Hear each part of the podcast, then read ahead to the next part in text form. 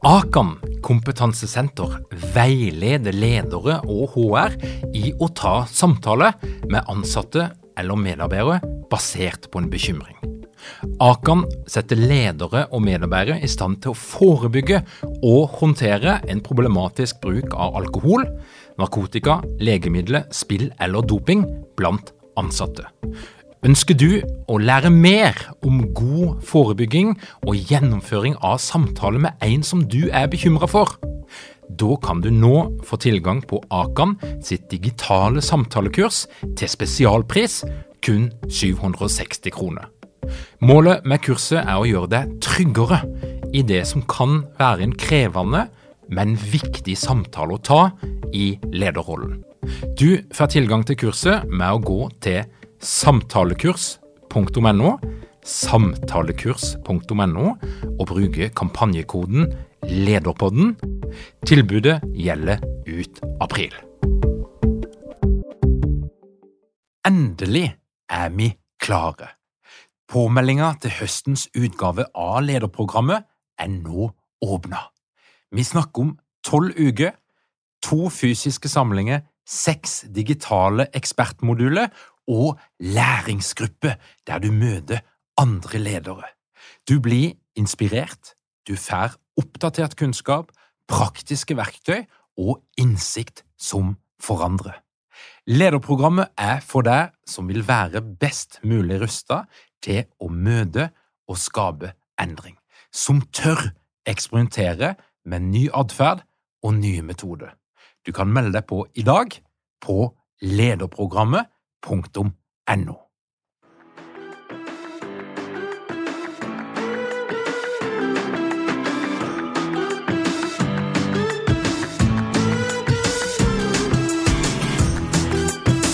Velkommen til Lederpodden. Mitt navn er Tor Åge Eikerapen. Jeg jobber som organisasjonspsykolog, og dette her er en podkast om ledelse. Et av lederens absolutt viktigste verktøy i dag er din evne til å kommunisere. Men hva er egentlig god lederkommunikasjon i dag? Fins det noen universelle teknikker som alltid funker, eller er det sånn som det ofte er, at det kommer an på situasjonen, hvem du snakker til og massevis av kompliserende faktorer? Nils Apeland har vært lidenskapelig opptatt av kommunikasjon hele sitt liv. Han har jobba i denne bransjen i snart 30 år, og i dag så er det to roller som han hovedsakelig fyller.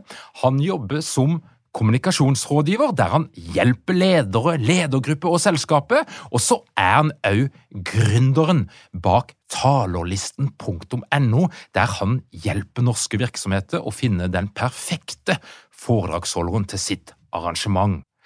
Velkommen til Lederpodden, Nils. Tusen takk, Torgeir. Det var en strålende innledning, syns jeg. Vel fortjent, Nils, og velkommen skal du være. Du, eh, du har jo jobba med lederkommunikasjon, og det er jo, sånn som jeg kjenner deg, så er det jo ikke bare en jobb, det er jo noe du brenner for. Det er noe som, som du går rundt og tenker på store deler av døgnet, men du har altså vært i dette her feltet lenge. Og det som jeg da blir nysgjerrig på, det er hva er det som har skjedd i din måte å tenke på rundt dette her temaet? Hva er det du tenker i dag som du kanskje ikke tenkte for 20 eller 30 år siden? Hva har endra seg? Jeg skal svare litt lenger på det. Jeg har jo faktisk jobbet med det 30 år, men jeg har jo faktisk levd med det enda lenger, fordi jeg er nå 52 år, og min far var jo en pioner i PR-bransjen i Norge og skrev Norges første bok om PR allerede i 1960. Så jeg er jo faktisk vokst opp med å, å snakke om kommunikasjon rundt både frokostbordet og middagsbordet. Så jeg har fått med meg en del ting der. Og han var jo litt av den Mad Men-generasjonen. ikke sant? De drakk whisky på møtene og røykte South State uten filter og sånn. Så jeg har fått med meg mye eh, anekdoter sånn fra den tiden òg. Jeg tror den største endringen som har skjedd de siste årene, er en slags demokratisering. Tidligere eh, og nå snakker vi for kanskje 10-15-20-30 år siden, så var sjefen en guru. Det var en person du respekterte, det var en, eh, kanskje en avstand både fysisk og mentalt og språkmessig til lederen. I dag så har de fleste ledere kommunikasjon øye til øye med sine medarbeidere. Og Det handler om sånne ting som språk. Man bruker for uformelt språk, emojis, tekstmeldinger, Slack og forskjellige typer tjenester. Det handler om tilgjengelighet. Sjefen sitter ikke lenger i det øverste, innerste kontoret i tiende etasje, han sitter kanskje faktisk i første etasje. Eh, og det handler om forventninger til tilgjengelighet fra lederen. Så jeg tror en slags demokratisering har gjort, eh, eller er den største endringen som har skjedd de siste årene. Og vi kan godt si at det spørsmålet skal man være liksom boss eller buddy, det er fortsatt eh, et stort dilemma tror jeg, for mange ledere. Ja, for der er vi jo inne på noen sånne moteretninger. Noen snakker om servant leadership, altså lederen som en sånn litt utydelig fjott som sitter nede i hjørnet der og bare legger til rette og finner fram litt kaffe og skal liksom ordne det greit for sine medarbeidere. Men så er det jo det faktum da, at ledere òg besitter makt. Og de må styre, og de må være tydelige. Hvordan hvordan løser han dette her dilemmaet? skal han være boss, eller skal han være buddy? Jeg tror det skal være litt begge deler, men jeg er da den oppfatning av at ledelse det handler om å gå foran. Janne Karlsson sa det. Eh, hvis du tenker en flokk, så går folk Noen går midt inni flokken, og noen går bak. Og noen eh, ledelse handler om å gå foran. Du kan også drive med det som heter 'leading from behind', som jeg har sett, som handler mye om, om å stå bak folk, og det tror jeg kanskje er en tendens vi ser mer og mer. Men det at lederen bare skal gå rundt og serve og please folk, det tror ikke jeg noe på. Lederen har en, et ansvar for å peke retning, eh, skape entusiasme rundt en visjon, rundt noen konkrete mål, og så sørge for å ta de rette beslutningene når det gjelder mennesker og materiell og prioriteringer framover. Og min erfaring også som leder, jeg har seks medarbeidere i dag og har tidligere hatt eh, opptil ti, det er at medarbeidere, særlig de yngre, de vil ha veiledning, de vil ha tydelighet og de vil ha retning. og Det er lederens jobb å gjøre. og Da kommer jo kommunikasjon inn for å uttrykke den ønskede retningen for virksomheten. Nils, du er rundt forbi, du møter mange ledere, du er på arrangementet, du ser mange ledere på scenen. Hva er de typiske fellene som ledere fremdeles går i når det gjelder kommunikasjon? Det veldig enkle svaret er at de lytter for lite. Simon Sinek har jo en kjent sånn YouTube-snutt som handler om at uh, lederen skal snakke sist. Og et helt enkelt og konkret råd, bare for å starte med det, hvis du har ledergruppa di eller dine nærmeste medarbeidere til et møte, og du er sjefen, og det er en aktuell sak på bordet, så er det en god uh, regel, syns jeg, å spørre alle i rommet hva de mener, før du kommer med din mening. Det er Simon Sineks metode. Fordi Hvis du sier din mening først, så vil det farge alle de andre eh, sine meninger. Hvis du først sier ok, vi skal snakke om, i dag skal vi snakke om den nye mm, visjonen, eh, la, la, oss ta en runde og høre hva, hva dere tenker. Jeg er nysgjerrig å høre hva dere tenker. Da oppnår du to ting. Det ene er at du får mange nyttige innspill, forhåpentligvis forskjellige og gode innspill. Og det andre er at alle føler seg sett og hørt. Det oppnår du ikke hvis du står og messer fra en powerpoint og deretter spør hva syns dere. Så det korte svaret er lytting. Det litt lengre svaret handler nok om en eh, følelse av eh, tilgjengelighet. Jeg har fem sånne råd som jeg gjerne gir til eh, ledere, og hvis jeg kan ta de nå, hvis du har tid til det, så handler det først om tilgjengelighet. Og det handler om at du må lage en, en tydelighet overfor medarbeiderne dine og, og omverdenen når du er tilgjengelig. Folk liker ikke å stadig banke på en dør eller sende en mail eller e-post som ikke får svar. Da er det bedre at lederen sier hva, på fredager da er jeg inne, eller på dere må gjerne ringe meg eller sende meg meldinger mellom da og da. Men i store virksomheter så er en forutsigbarhet rundt tilgjengelighet det er lurt. Ordføreren i Asker, Lene Konradi, hun har noe som heter Lenetimen. Og Da er hun tilgjengelig for eh, innbyggerne i Asker kommune, som hun på en måte er leder for. To timer annenhver lørdag. Da kan du komme og snakke med ordføreren. Eh, og Når ikke hun er fysisk til stede, så kan du møte henne på nett. Så sørg for at eh, dine omgivelser vet når du er tilgjengelig. Den andre T-en den er til stede. Jeg tror også lederen må være veldig bevisst på hvor de velger å bruke sin tid fysisk. Fordi min erfaring er at det er jo ikke ordene som er viktige som leder, det er hva du gjør som leder. Og hvis du f.eks. velger, eller ikke velger å være med på en doktordisputas hvis du jobber på et universitet, på en forelesning hvis du er på et sykehus, på en fredagspils hvis du er på en vanlig jobb, så velger du også å være symbolsk usynlig. Så du må også velge hvor du vil være til stede. Du skal være helt sikker som leder at folk ser om du er eller ikke er der. På en av mine tidligere arbeidsplasser så eh, var sjefen veldig opptatt av at på fredag da måtte alle være til stede, for da skulle det være kake og feiring og topp stemning. Og, det, og jeg husker jeg kom hjem til kona mi, jeg var relativt nygift, og, og så sier du vi kan ikke dra på den hytteturen opp på fredag fordi sjefen har sagt at alle må være der, for det skal være feiring og fredagspils osv. Ok, vi avlyste hytteturen. Kom ned den fredagen, husker jeg. Det sto øl og, og taffelsticks og kake og sånn på bordet. Alle var der unntatt sjefen. Og Da husker jeg fikk en veldig sånn følelse si, ok, du sier at dette er viktig for alle andre, men ikke for deg. Det reagerte jeg veldig på. Og Jeg har også sett og hørt andre ledere som har reagert på at deres medleder har prioritert bort viktige anledninger. Så tilstedeværelse. Det var to. Den tredje handler om tydelighet. Jeg tror mer enn noen gang at medarbeidere særlig trenger tydelighet. Og Jeg har sett også undersøkelser på dette at noe av det viktigste medarbeidere er opptatt av, det er tydelighet. Og sånn wishy-washy prat om at uh, kvalitet er viktig, og alle er like flinke, og vi får gjøre så godt vi kan og sånn, det eh, høres kanskje fint ut, men det funker dårlig ledelse. Har du en klar forventning til teamet ditt, f.eks., så sørg for at det er tydelig kommunisert. Og er du misfornøyd med at en medarbeider stadig kommer for sent eller stadig ikke gjør jobben sin, så er min erfaring at det er bedre å si hør her, vi må snakke sammen, det er noe som ikke fungerer. Du er nødt til å komme på jobben før. Vi har en avtale sånn og sånn. Eller eventuelt stille spørsmål, da. Hvorfor eh, er du her så sent hver dag? Så tydelighet er den tredje. Den eh, fjerde er tålmodighet, og den er veldig interessant. fordi Min erfaring med å jobbe med ledere, dette har fått mange ledere som har sagt til meg, er at de er veldig rastløse på å få i gang endring. Alle driver med endring nå, ikke sant? Den feilen mange gjør, er at når de, kom, når de, kommer ut fra styrerommet eller lederrommet sitt og har besluttet endringen, som de kanskje har jobbet med i både tre og seks og ni og tolv måneder, da forventer de at medarbeiderne skal løpe med en gang.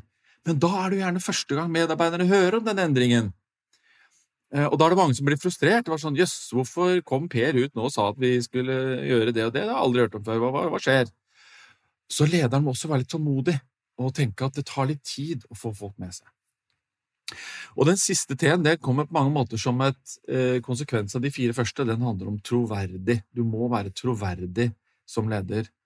Og med det så mener jeg det som på retorikken kalles etos. Altså du må være bevisst rundt hva er det som gir deg troverdighet overfor dem du leder. Er det fordi du er den største fageksperten? Er det du som har jobbet der lengst? Er det du som eier bedriften? Er det du som har mest erfaring på akkurat det området? Hva gir deg troverdighet?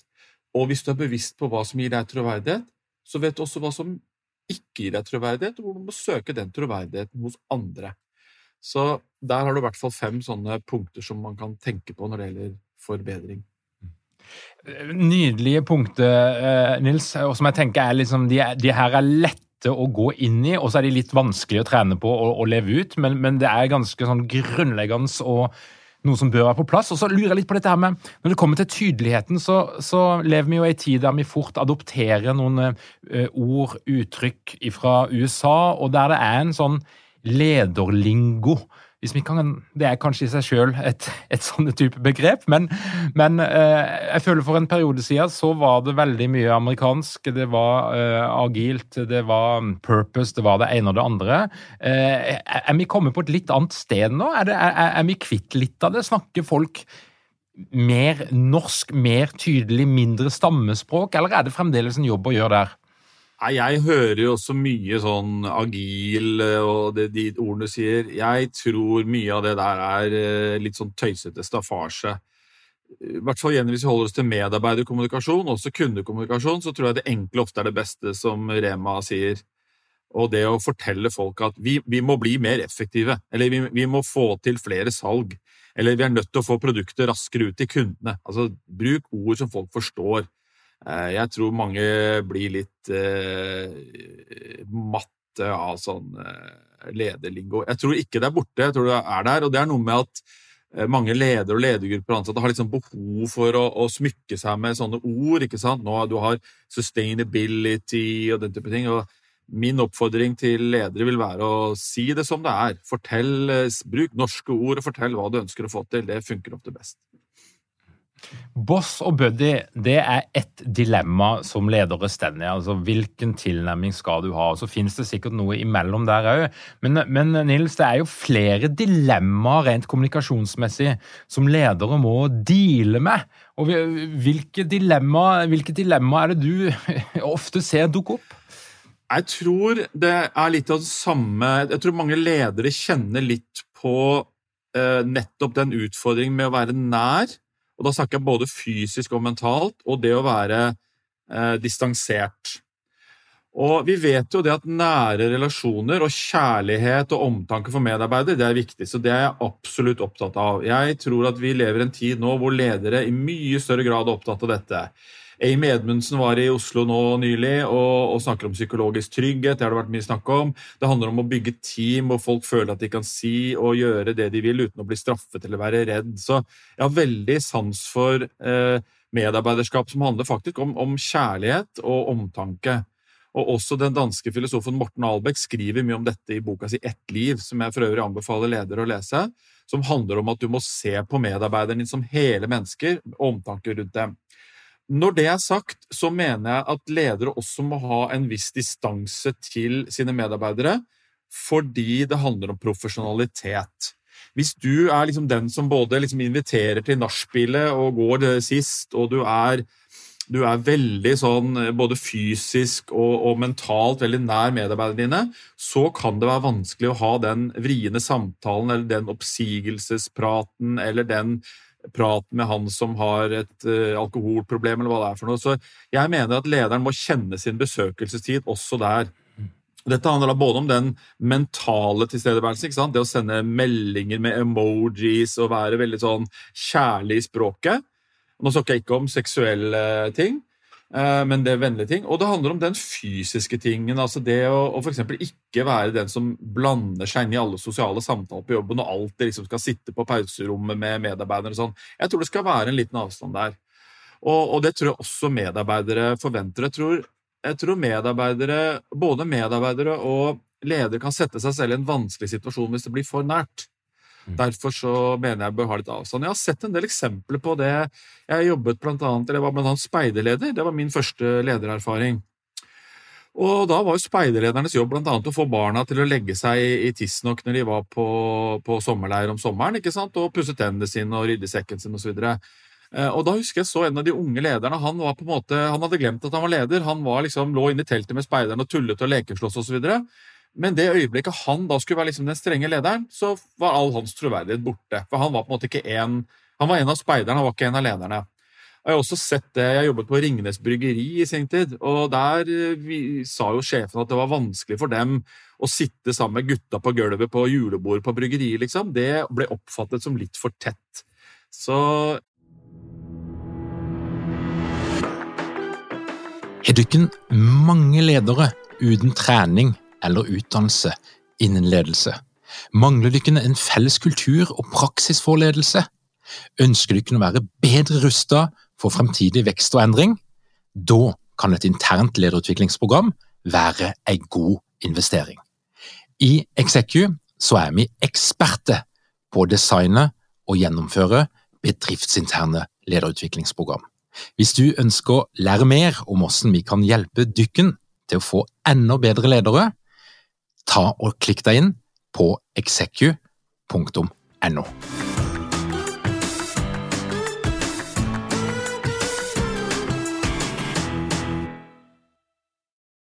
Kjærlighet og omtanke, men en viss profesjonell distanse tror jeg fortsatt er viktig. Både når det gjelder språk, og når det gjelder det fysiske. Og Der kommer vi jo inn på de her ulike kanalene. Altså Messenger, Slack, WhatsApp, SMS. Hvordan skal ledere navigere i dette her? For det er jo noe privat og noe Jeg vil påstå det er sånn en viss grad av intimitet og noe uprofesjonelt i det du begynner å kommunisere i de kanalene. Så og, For noen år siden så var det veldig sånn at ledere måtte ha profil på Facebook, være tilgjengelig. Hvis du var en kjent leder, så måtte du jo nesten ha en blogg, og det var tilstedeværelsen på de sosiale mediene betydde enormt mye. Men hvor er vi nå? Jeg er enig i det du sier, og jeg har snakket med ledere bl.a. ute i norske kommuner som syns dette er vanskelig. For en kommune har jo mange hundre ansatte som regel. Og, og, rådmenn og etatsleder kan da oppleve at du får type messengermeldinger på kvelden fra folk, og du får sånn kommentarer på veggen. ikke sant? Det kan være en liten kommune hvor folk kjenner hverandre, og de har barn i samme skole, og de møter hverandre på butikken og sånn. Det vet jeg skaper dilemma for ledere, og jeg vet at også det skaper en eksponering som man ofte ikke ønsker. Vi vet jo at ikke alle setter grenser heller, ikke sant? og de kan være personlige i f.eks. kommentarfeltet på en Facebook-side. Jeg tror at man som leder også må sette noen grenser der. og For å sette ett skille, så er jo det mellom jobbkommunikasjon og privatkommunikasjon. Hvis du for eksempel, altså De fleste norske arbeidsplasser i dag bruker jo e-post som en viktig kanal. De har en form for intranett som en kanal, og noen har da i tillegg for kanaler som Slack, som vi også i talerlisten bruker. Jeg tror det er lurt som leder å gi en tydelighet når det gjelder hvilken kommunikasjon som kommer i hvilken kanal slik at medarbeideren også vet det, at der kan jeg forholde meg til det. Og Da er du også inne på en annen bit, nemlig liksom respekt for privatlivet. Eh, det er jo stadig ledere som syns det er et dilemma det. Kan jeg sende medarbeiderne mine e-post klokka 11 om kvelden eller på søndag morgen? Og noen mener ja, ja, det må medarbeideren selv oppleve, bestemme når de skal lese osv. Men andre vil si nei, det er et uheldig signal hvis du til alle døgnets tider driver og sender meldinger. Men det blir i hvert fall litt bedre hvis du sender de meldingene via eh, de kanalene som bedriften har bestemt er bra. Så Hvis jeg f.eks. vil eh, sende en beskjed til eh, Sara, en, som er min kollega, da, på en søndag morgen, og den beskjeden ikke haster, ja, da, da, skriver jeg en mail. Og så vet hun, på en måte, fordi vi har en kodeks, at det er ikke noe som haster. Men er det noe som haster, så kan jeg eventuelt gå litt sånn over i det, det private og sende f.eks. en tekstmelding. Men her må selvfølgelig ledere finne ut av hva som er riktig for seg og sine medarbeidere. Men jeg tror det er viktig å ha respekt for medarbeidernes private kommunikasjon og private kanaler. Og så tror jeg det er et poeng å ikke spre seg i for mange kanaler. Det blir bare rot. Det gjelder også den eksterne kommunikasjonen mot kunder, marked, brukere osv. Tirsdag 10. mai kommer Henning Bang til ledernettverket. Henning er psykolog og siviløkonom, og sannsynligvis en av verdens fremste eksperter på ledergruppe. I Henning sin workshop vil han dele noen av sine beste råd og teknikker for at du skal kunne skape ei mest mulig effektiv ledergruppe. Ei effektiv ledergruppe det er ei gruppe som skaper merverdi for organisasjonen og for den enkelte leder. Mer informasjon og mulighet til å melde deg på, det finner du på ledernettverket.no.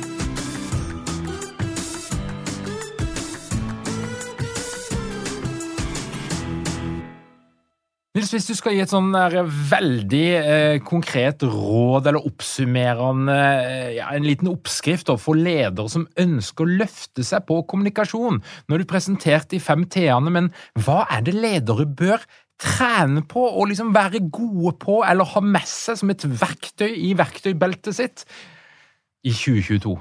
Oi, det var et godt spørsmål. Jeg tror det første rådet jeg vil gi til en leder som ønsker å bli bedre til å kommunisere, det er å spørre de nærmeste kollegene sine om tilbakemelding å finne en anledning, et rom, et møte, en samling eller sånn, og si helt åpent eh, jeg ønsker å bli bedre til å kommunisere. Hva er det dere mener jeg gjør i dag som er bra, mm. og som dere vil at jeg skal gjøre mer av? Og, å få ordentlig uttømmende svar på det. Det er et åpent spørsmål. Og det andre spørsmålet er hva er det jeg kan, gjøre kan eller bør gjøre bedre enn det jeg gjør i dag, eller bør gjøre oftere? Mm. Eh? Så en sånn positiv tilnærming til forbedringspunkter, ikke, ikke at man skal liksom piske seg selv.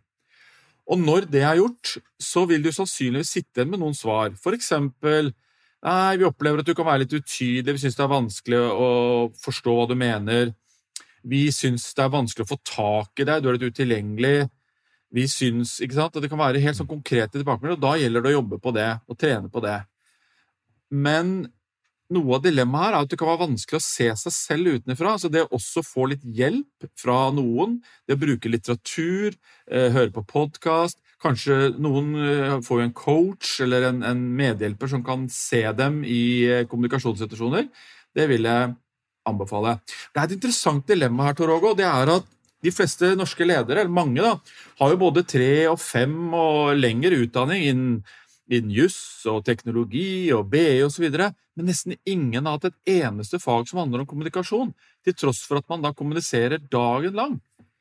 Og, og da oppstår det nemlig to sånne dilemmaer. Det ene er at mange, mange tenker nei, kommunikasjon det kan jeg, det er lett, jeg bare prater i vei. Men mange blir også rådville og usikre og går litt inn i sitt eget skall og lukker kanskje døren til kontoret eller skrur av telefonen og blir litt utilgjengelig. og Da blir det et problem også. Det at lederne på en måte får kalibrert sin egen kommunikasjon litt mot omverdenen, tror jeg er klokt. Takk, Nils. Dette her er faktisk mulig å bruke allerede i morgen, så bare kjør på, kjære leder. Men Nils, nå må jeg switche litt over til den andre rollen din, for jeg er litt nysgjerrig. Hva er det som skjer i foredragsmarkedet post covid? Altså, Vi hadde jo en vill høst her der alle var lei av Zoom og Teams og skulle ut på hotellene. Vi hatt en nedstengning, og så opplever jeg liksom at nå er vi på et litt annet sted igjen. Men jeg legger iallfall merke til én ting, og det er at det er utrolig mange som har lyst til å livnære seg som foredragsholdere. Og det er ikke mange eh, milene du skal ha gått på ski før du føler at du fortjener å stå på en scene og snakke om det. Men, men hva skjer? Har noe endra seg? Er, er, det andre typer arrangementer? Hva, hva, hva, er det som eh, ja, skjer der ute? Ja, det, er helt riktig. Det er flere ting som skjer. Etter å ha deltatt på veldig mange kjedelige Teams- og Zoom-møter, så vil folk nå møtes fysisk. Det er helt sånn udiskutabelt. Det er to endringer jeg kanskje vil trekke fram. og Det ene er at det vi ser nå, er jo at mange vil ha avdelingsvise samlinger.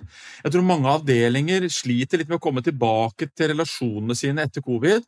Og Istedenfor at da hele jobben på to eller tre eller 500 mennesker møtes, så er det kanskje 20-30-40-50 personer som nå møtes på et eller annet hotell eller møtested, og så prøver du å finne litt sammen. Og, og vil gjerne da ha en foredragsholder som kan snakke om tilbakemeldinger, kommunikasjon, relasjoner osv. De, de trenger simpelthen tid sammen. Noen har ikke møtt hverandre faktisk fysisk på to år, uh, som høres helt absurd ut, men det er helt sant.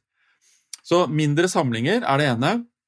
Uh, og det andre som vi ser, er at det er et veldig stort behov for ting som berører følelsene. Det at en, å ha en foredragsholder som står og peker på en powerpoint og sier noen sånne selvfølgeligheter, det, det, er ikke noe verdt å betale penger for. Men det å ha en foredragsholder som kan engasjere, skape humor, gi konkrete, gode råd, skape latter og varme og entusiasme og refleksjon i salen, og kanskje litt gåsehud og en liten tåre i øyekroken, det er eh, veldig etterspurt.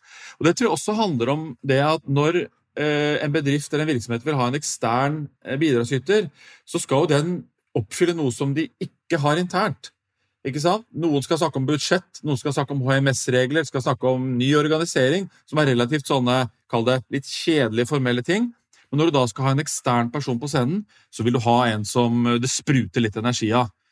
Eh, og Det er gjerne til å åpne eh, en, eh, et seminar eller å avslutte, eller begge deler. Og Da ringer man gjerne da talerlisten for å få hjelp og råd. og Det kan vi hjelpe til med. Så vi ser en klar økning av mer følelser, vil jeg si. Men, men en ting som jeg lurer ofte på. I perioder så holder jeg en del foredrag, og av og til når jeg sitter i bilen på vei hjem, så tenker jeg hva fikk de ut av dette her? Hva mm. kan de bruke det til? Hva, kommer det til å skje noe etterpå? Og det jeg liksom sitter og filosoferer litt over, det er jo hva er foredragets funksjon? For dette her er jo noe eldgammelt. At det kommer en person og stender oppe i kassa og forteller et eller annet til folk som hører på. Det er jo skikkelig low-tech greie, som vi fremdeles driver med, og i Norge er vi ekstremt glad i det. Men, men hva er liksom, hvis vi skal være skikkelig positive og optimistiske, hva er det beste et foredrag kan bidra med? Jeg tror svaret på det er inspirasjon. Så, så tydelig og så generelt. Det at folk går ut av den salen og føler seg inspirert til å gjøre noe annerledes enn da de gikk inn, det tror jeg er det viktigste. Jeg snakket med en kunde i går som hadde hatt besøk av Petter Gulli, som snakker om bærekraft og bærekraftkommunikasjon. Og hun fortalte meg at hennes medarbeidere, eh, dette var et stort advokatfirma, hadde helt konkret sagt at nå føler jeg meg inspirert til å gjøre noe selv med eh, dette med bærekraft, som handler om forbruk, matvaner osv. Andre ganger eh, så holder jeg f.eks. Mitt foredrag om, disse fem T-ene og ledelse osv. Og da pleier jeg å utfordre hver leder at jeg vil gjerne at du skal sitte igjen med én ting som du skal gjøre bedre. Og så har vi gjerne workshop hvor folk da snakker høyt og sier 'jeg skal bli mer tydelig'. Og Da stiller jeg spørsmål tilbake. Hvordan skal du bli det? Nei, jeg skal bli flinkere til å Så inspirasjon, og hvis man kan få én eh, konkret ting man kan gjøre man går ut, så tror jeg det er viktig. Og Det betyr også, det er en annen ting de ledere må bli flinke til å foredragsholde, det er å begrense seg. Du kan ikke liksom ha med hele alfabetet hvis du skal opp på en scene. Du må velge. Og, og velge ut noen hovedpoeng og noen hovedhistorier, og kanskje én eller to eller tre modeller, ikke noe mer. Mange gjør den feilen at de skal liksom fortelle alt de har lært på 45 minutter. Det er bare tull. Du, du har jo flere hundre foredragsholdere inne på talerlisten i, i din stall. Eh, og mange av de her er det som, som, lykkes, og mange av de som klarer å etablere seg sånn at det er et levebrød for de som har det som mål. Det er nok ikke så mange. Hvis jeg skal gi et tall, så vil jeg tro det er kanskje mellom 25 og 50 stykker. Men de fleste av disse har jo også, sånn som du har, de har rådgivningsoppdrag, de har coachingoppdrag, de har workshops, de har, de, så de jobber med formidling, men ikke nødvendigvis fra en scene. Uh, men det er da, den gruppen er ganske stor, mm. som driver med veiledning, rådgivning, hjelp og foredrag. Den gruppen er ganske stor. Og så er det den siste gruppen som da uh, f.eks. har en annen jobb i et stort selskap, og så gjør de foredrag litt på si. Og de har jo gjerne en tidsbegrensning. Hvis du er direktør i et stort firma eller du jobber med bærekraft i et konsern, så gjør du kanskje ikke så mange foredrag, du gjør lite grann, og du syns kanskje det er litt stas. Men nei, i Norge så er det under 50 personer som livnærer seg av foredrag alene. Det er det nok. Tenker du at eh, hvis du skal kikke inn i krystallkula og, og tenke de neste fem-ti årene, de digitale mulighetene som vi nå har opplevd, altså, er dette her noe som kommer til å være konstant? Er dette her noe som aldri vil forandre seg i særlig grad? Det er bare temaet som forandrer seg? Eller tenker du at vi på et eller annet tidspunkt er avatarer som holder eh, foredrag i en eller annen digital event som bare oppleves som et fantastisk spill? For det første så tror jeg jo ikke fysiske møter kommer til å forsvinne. Det var en del som mente det under pandemien, at nå kommer vi bare til å møtes via skjerm og sånn. Det ser jo ikke sånn ut. Jeg var på basketkamp i går med 300 elleville tilskuere i Nadderhallen, som så Bærum slo eh, Gimle. Jeg er ofte ute og spiser middag. Det koker jo ute i Oslo og andre byer på restauranter. Folk, eh, folk går på standup, folk går på foredrag. Så, så, det å møtes sammen og se på noe fra en scene, det kommer ikke til å forsvinne. Det jeg tror kommer til å endre seg, er at vi kommer til å se mye mer bruk av interaksjon og ny teknologi. Vi husker jo fra gamle dager ti skudd hvor man stemte over musikksanger. I dag kan man bruke ulike apper og, og ulike nettsider til å interagere med salen. Eh, den gode, gamle dialogen med spørsmål, svar, håndsopprekning, diskusjon, det tror jeg kommer til å komme mer. Så en foredragsholder i dag bør ikke stå og prate 45-60 minutter, minutter uten dialog. Det bør være en form for interaksjon med salen, og så må den interaksjonen tilpasses størrelsen på gruppen. Og Der kommer vi nok også til å se bruk av teknologi, kanskje AI, ansiktsgjenkjenning, eh, noe som tar eh, noe som tar pulsen på forsamlingen. ikke sant? Det, det kommer nok til å skje. Og så ser vi at formatet endrer seg. At eh, de fleste store konferanser går ned i foredrag som kanskje skal være bare 15-20-25 minutter, mens det tidligere var vanlig f.eks. med 40 og 60. Og da må alle som skal formidle, inkludert ledere, eh, kill your darlings. Hva er det viktigste du skal si? Komme til poenget kjapt, spark inn døra, kom til det som er spennende, og si interessante ting. Og jeg har en siste sånn liten oppfordring her òg. En av farene for ledere og foredragsholdere det er at man blir kjedelig. Det blir kjedelig, det blir forutsigbart. Derfor må du alltid legge inn et eller annet litt sånn overraskelseselement. Da husker folk det bedre. Forrige uke eller uken før der holdt jeg et foredrag, og da, da, jeg, da, brukte jeg ordet 'å pule' fra stenen i en, annen, i en kontekst. da. Du ser liksom at folk sperrer øynene opp, og jeg tror de som var der, husket det eksempelet som jeg brukte da jeg tok det ordet i min munn. Det handler ikke om å, å griseprat, men det handler om å gjøre ting. Enten at du har med deg en film, du har med et hjelpemiddel, du hopper opp på et bord. altså Du gjør et eller annet som, du kommer inn i salen bakfra. Du gjør et eller annet som gjør at folk husker det. For det er jo det du vil. Du vil ikke at folk skal glemme at du har vært der. Så jeg tror ledere og foredragsholdere må tenke mer på formen sin eh, når de skal eh, overbevise noen fra en scene. Nils Apeland, tusen hjertelig takk for at du kom til Lederpodden. Veldig hyggelig å være gjest, og takk for gode spørsmål. Til deg som hører på Lederpodden, tusen takk for at du gjør det. Hvis du er interessert i å bli oppdatert på alt det vi holder på med i vårt digitale lederunivers, så kommer du deg inn på lederpodden.no. Trykk på den rette knappen, legg igjen din e-post, og da får du vårt nyhetsbrev hver eneste fredag. Og hvis du har lyst til å lære mer, så har vi en klubb, en forening, vi er en gjeng som møtes en gang i måneden, og alt om det finner du på ledernettverket.no. Takk igjen for at du hører på Lederpodden. Vi høres igjen om ei ukes tid.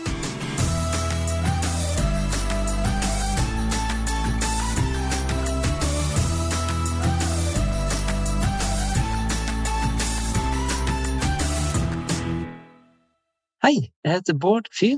Jeg jobber på Norges handelshøyskole, der jeg forsker på psykologisk trygghet i teamarbeid. Min bakgrunn er fra Forsvaret, der jeg har eh, lang erfaring med å jobbe med praktisk ledelse og teamutvikling.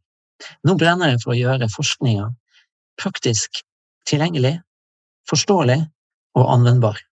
Til høsten skal jeg delta på lederprogrammet. Det gleder jeg meg til, og jeg håper å se deg der.